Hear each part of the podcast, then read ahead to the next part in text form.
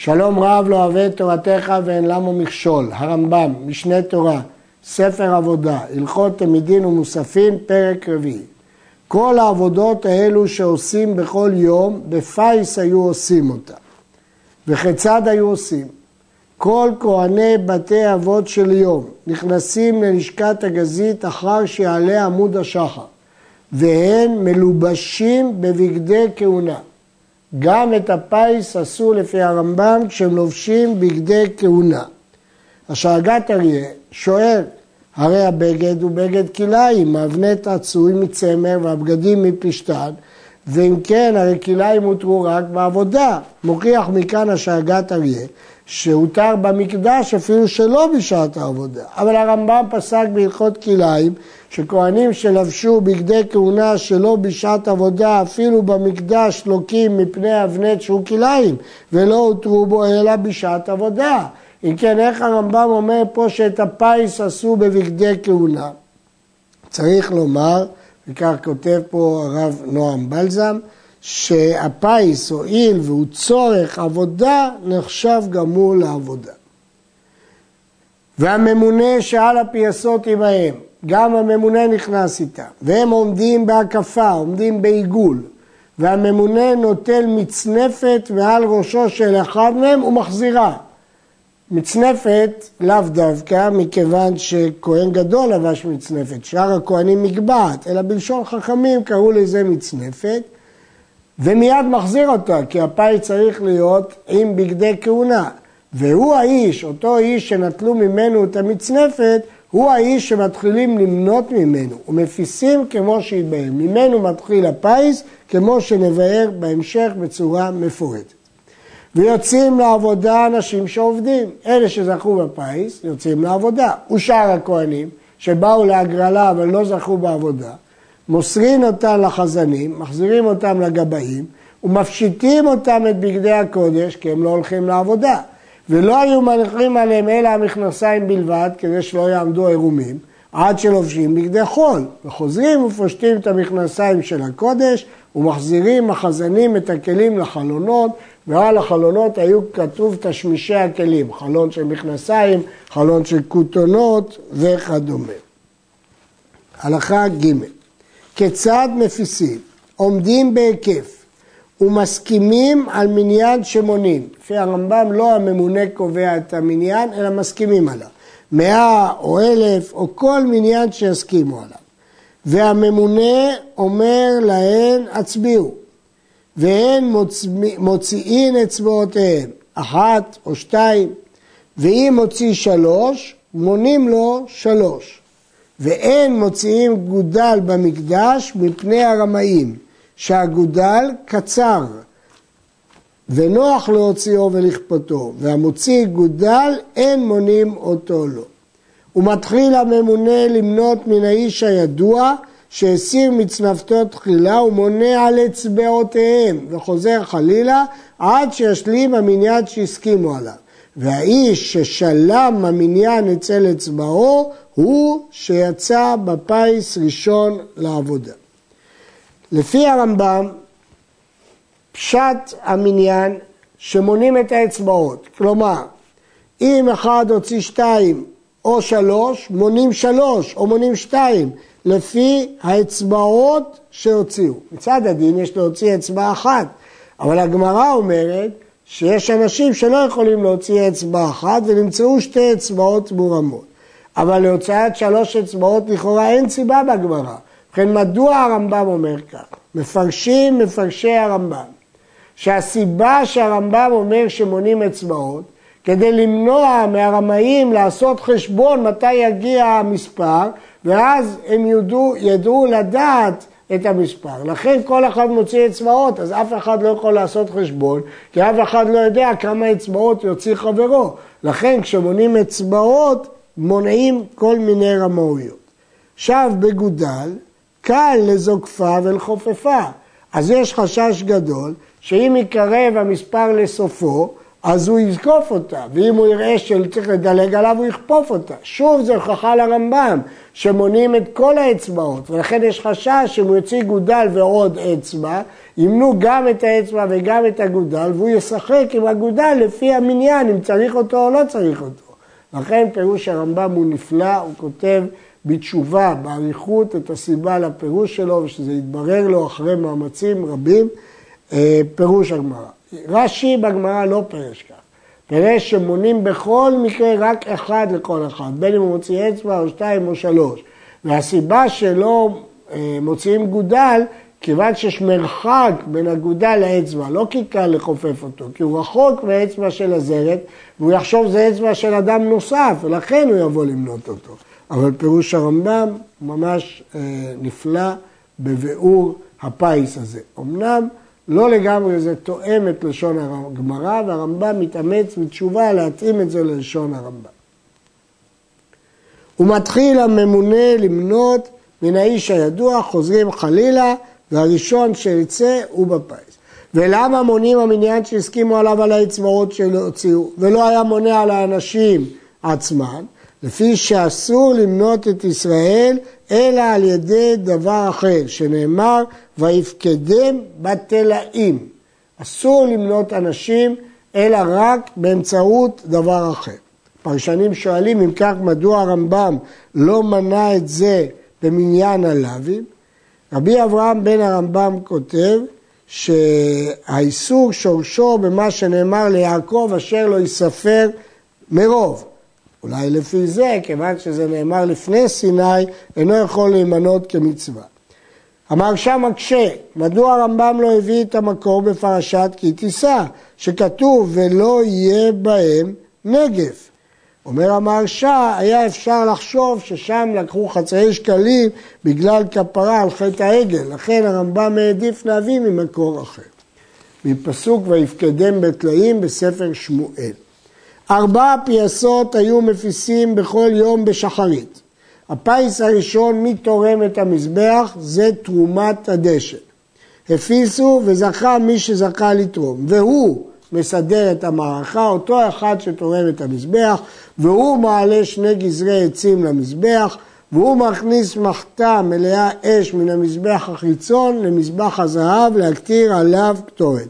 הוא זכה בכל הדברים הללו.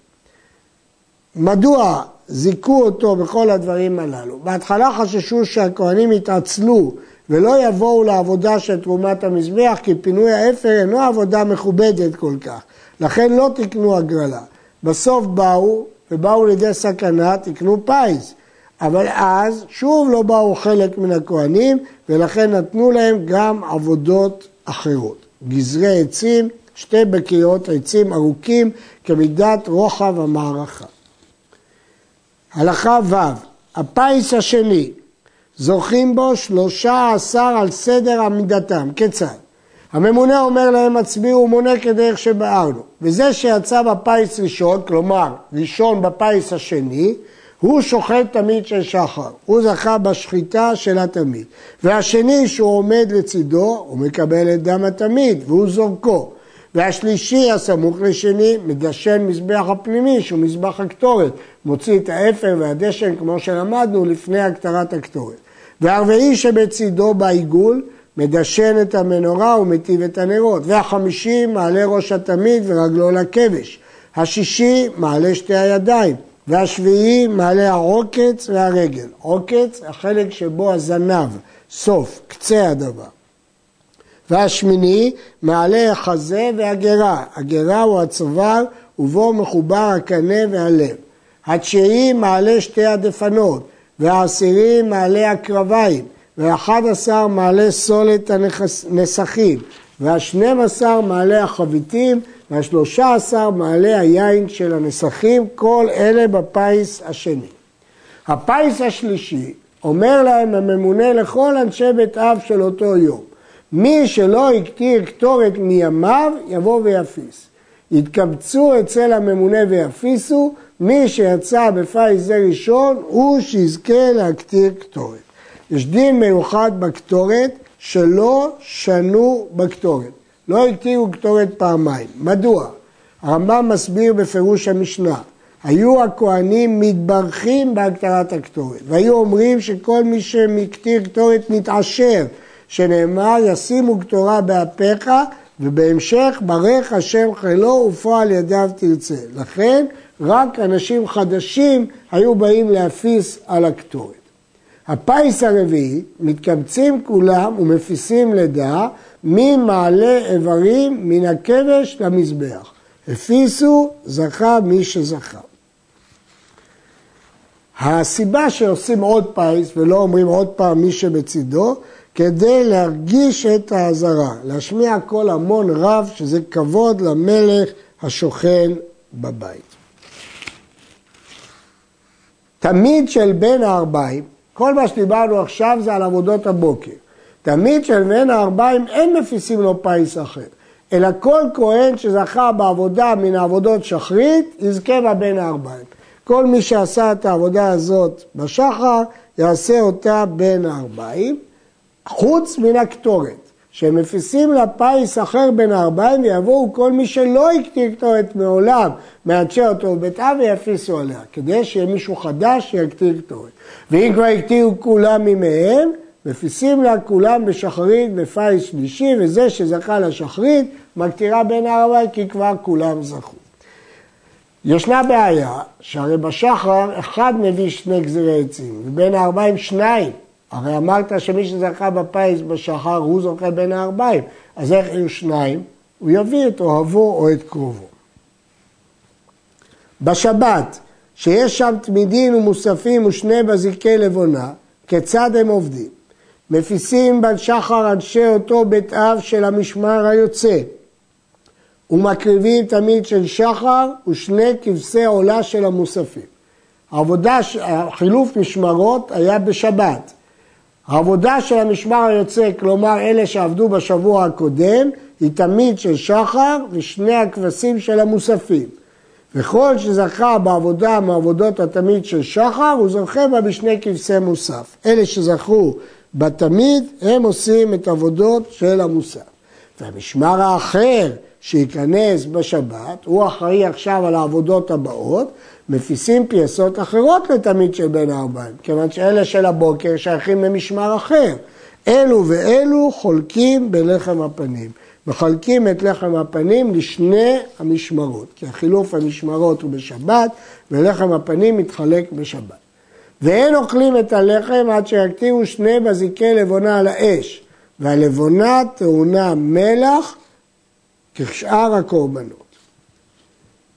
שני בזיקי לבונה היו מונחים כל אחד על, ליד לחם הפנים, ליד המערכות, והיו מקריבים אותם. אחרי שהקריבו אותם, היו חולקים. אחר קורבן המוספים מקטירים שני הבזיקים של לחם הפנים ושני כהנים מקריבים את שני הבזיקים. כיצד חולקים לחם הפנים בכל שבתות השנה? משמר הנכנס נוטל שש חלות. ומשמר היוצא נוטל שש. הנכנסים חולקים ביניהם בצפון, שהרי מוכנים לעבודה, והצפון הוא חשוב יותר, והיוצאים חולקים בדרום. ובזמן שיהיה יום טוב של אחד משלוש הרגלים בשבת, וכן בשבת שבתוך החג, חולקים כל המשמרות בשווה בלחם הפנים. מדוע? כיוון שברגלים עובדים כל המשמרות. כל כהן שרוצה עובד ברגלים כי יש הרבה עבודה ולכן חולקים כולם בשווה. וכן, אם חל יום טוב הראשון של חג באחד בשבת, חולקים כל המשמרות בשווה מערב יום טוב שיהיו שבת בלחם הפנים, מפני שהקדימו לעבודה. כיוון שהם היו מוכרחים להקדים, כי יום טוב ראשון של חג חל באחד בשבת, אז הם היו צריכים להגיע מיום שישי, לכן כל המשמרות חולקות בשווה. וכן אם חל יום טוב אחרון להיות בערב שבת, חולקים כל המשמרות בשווה בלחם הפנים באותה שבת שהיא מוצאי החג. רוב המפרשים מפרשים, מדוע? כיוון שהם התעכבו, הם היו מוכרחים להתעכב, אבל הרמב"ם לא כותב כך. ודבר זה תקנה, מפני שנתאחרו הכהנים בשביל חילוק לחם הפנים, ואם יתאחר אחד מבעלי משמר ולא בא עם מצה אחר, גרסה אחרת, כדי שיתאחרו הכהנים בשביל חילוק לחם הפנים. הרעב"ד שואל, איני יודע מה שאמר כדי שיתאחרו, והלא על כורחם מתאחרים, ולפיכך הם חולקים. ומה שאמר אם מתאחר אחד מבעלי משמר, הכל הבל. הרעב"ד שואל, הרי מוכרחים להתעכב, כי לא יכולים ללכת הביתה. אומר על זה הרדווז, הכל הבל ומהבל פיו של רבנו אנו חיים. למה? כי אין פה שום קושייה. אלה שגרים בירושלים יכולים ללכת, אלה שגרים בתוך התחום, ויש לנו עניין שהם יתעכבו. ולמה יש לנו עניין שהם יתאחרו? כדי שאם יהיה חסר כהן, הם יוכלו להשלים את המשמרת. לפי הגרסה השנייה, מפני שנתאחרו הכהנים, אז הטעם נוסף לתקנה הוא שאם הכהנים מן המשמרת הקודמת נשארים, כדי שאם יתאחרו הם יעבדו במקומם, ואז זה שני טעמים שונים, לפיכך מן הראוי שיחלקו בלחם הפנים. חל יום אחד להפסיק בין השבת ובין יום טוב, כגון שהיה יום טוב הראשון של החג בשני, או יום טוב האחרון בחמישי, או יום טוב של העצרת שיכול להיות בשני או בחמישי, משמר שזמנו קבוע באותה שבת נותן עשר חלות, וזה הנכנס נותן שתיים, שהרי לא נשאר להם לעבודה עם לבדם אלא יום אחד, שהוא ערב שבת או אחד בשבת, ומתעצלים ואין בא מהם אלא מעט. הרי אם יום טוב של חג חל ביום שני, אז המשמר הנכנס עובד רק ביום ראשון, כי בחג כל המשמרות עובדות. אז הוא רק יום אחד של העבודה, אז באים מעט, ולכן מספיק להם שתי חלות, הם לא צריכים שש חלות. אותו דבר להפך, כשיום העצרת חל להיות בחמישי, ביום חמישי, אז בעצם מתי הם עובדים?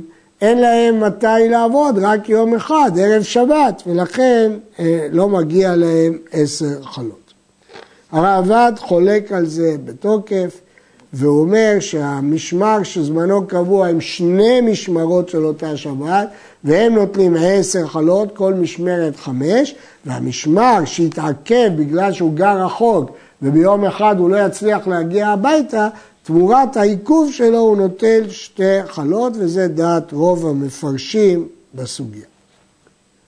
כהן גדול לעולם נוטל מכל משמר חצי החלות שזכה בהם. שנאמר, והייתה לאהרון ולבניו. מחצה לאהרון ומחצה לבניו. מכל מה שמשמר נוטל, כהן גדול לוקח חצי. ואין כהן גדול נוטל פרס, הוא לא לוקח חצי פרוסה, שאין זה כבודו. יש לשאול, מה שייך פה חצי פרוסה? הרי המשמר נוטל שש, אז הוא לוקח שלוש, מה יש פה חצי פרוסה? מסביר המארי קוקוס, שאם המציאות הייתה שהוא לוקח חמש, אין אנשי המשמר יכולים ליתן לו עשרה חצאים, אלא חייבים לתת לו חלות שלמות. עד כאן.